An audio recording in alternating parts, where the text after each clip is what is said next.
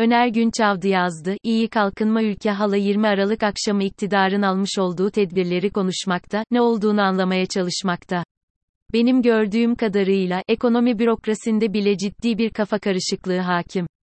Zira uygulamanın yasal altyapısının ve kaynağının bile tam olarak düşünülmediği ve bu nedenle uygulamaya başlamanın daha bir süre alacağı anlaşılmakta. Bu haliyle alınan tedbirlerin siyasi bir hamle olduğu çok net bir şekilde görülmektedir. Kurlardaki devasa artışları bir çırpıda önleyip, şimdilik kontrol altına alınması kamuoyunda hararetli konuşmalara ve değerlendirmelere vesile oluyor. İnanılmaz gibi görünse de, iktidar destekçilerinin sevinci ya davul zurna eşliğinde halay çekerek, ya da bir kasapta dolarları kıyarak kamuoyunun gözüne sokuluyor. Anlaşılan iktidar da bunu bir zafer olarak görüyor ki, elde ettiği başarının rehavetiyle, biraz da özensiz bir şekilde yaptığı açıklamalarla, muhalefete karşı kaybettiği cepheyi tekrar kazanmanın zevkini çıkarıyor.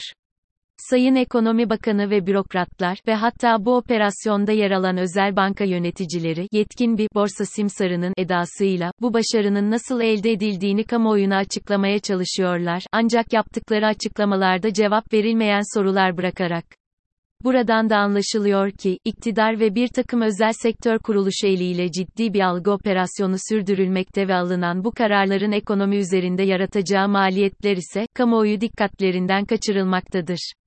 Arzu edilen hedeflere ulaşılıp ulaşılmadığını bilemem. Ben veya başka birinin de bilmesine imkan yok zaten. Zira son yıllarda bu ve benzeri tedbirler yeteri kadar şeffaf ve katılımcı bir şekilde alınmıyor ülkemizde. Sanırım bu tedbirle amaçlananın ne olduğu, sadece kararı alan kişi tarafından bilinmekte. Ama sonuçlarının neler olabileceğini, iktisadi sağduyu ile anlayabilmemiz mümkün. Bu da zaten kamuoyunda sıkça tartışılan bir konu son zamanlarda. Şu ana kadar elimizdeki tek başarı, göstergesi kur seviyesinde yaşanan gerileme. Ancak anlıyoruz ki bu gerileme, daha önceki Ekonomi Bakanı Sayın Berat Albayrak döneminde 128 milyar dolar harcanarak yapıldığı gibi, şimdi de ciddi miktarda rezerv satışı ile gerçekleşmiş. Yetkililer bu operasyonun ekonomiye neye mal olduğunu ısrarla açıklamıyorlar ki, yaratılan kısa dönem illüzyonunun sihri bozulmasın. Şimdi asıl sorulması gereken temel sorulara gelelim. Allah aşkına bu müdahaleler ve alınan tedbirler ülkemizin hangi temel problemine çare olacak?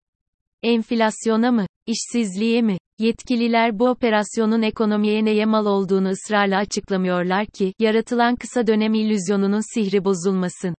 Yoksa son yıllarda ciddi bir yükseliş eğilimine girmiş olan yoksulluk ve bozulan gelir dağılımına mı? Elbette hiçbirine. Zira alınan bu tedbirler, bahsettiğimiz tüm bu sorunları daha da kötüleştirmeye aday. Burası kesin. Bugün kurların o yüksek seviyelere neden geldiğini sorgulamayanlar, sorgulayamayan, kurdaki düşüşü kutlarken, yarın bunun kendisine işsizlik ve yoksulluk olarak yansıyacağından habersiz. İşte tam böyle bir ortamda İyi Parti, ülke ekonomisinin bu temel problemlerine kamuoyunun dikkatini çekmek için bir kongre düzenledi.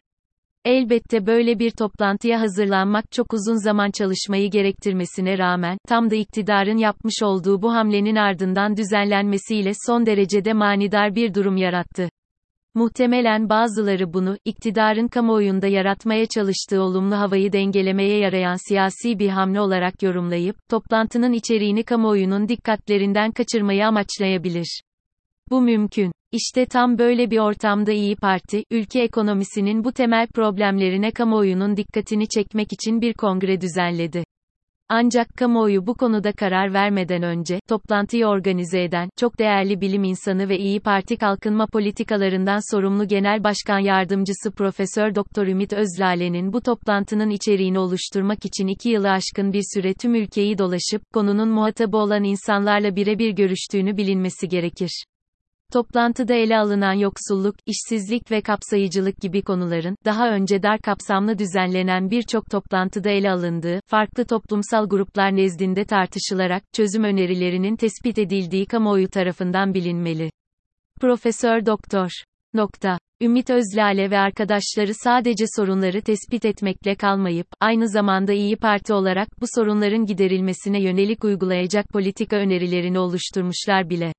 Önerilen bu çözümlerin gerçekleştirilmesi ciddi ve kararlı çalışmaya ihtiyaç duyan, mikro ölçekli saha araştırmalarına dayanması bile, başlı başına samimi bir gayretin ve ciddiyetin göstergesi kanımca.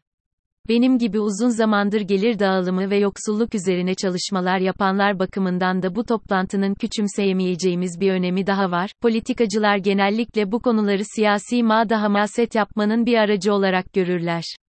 Bu sorunların hallolması için ciddi politika önerilerinde bulunmaktan da kaçarlar. Doğrusu, yoksulluk ve gelir dağılımı gibi, Türkiye ekonomisinde etkisi her geçen gün artan sorunları, bu kapsamda ve böyle bir kongre düzenleyerek ele almak, siyasi bir parti için bir ilk olma özelliği taşıyor. İyi Parti'nin bu sorunların çözümünde ne kadar samimi olduğunu anlamak için konuyu ele alış şekline bakmak lazım. Öncelikle siyasi görüşlerine bakmaksızın, toplumun her kesiminden uzmanlarla diyalog içine girildiği katılımcılardan anlaşılmakta.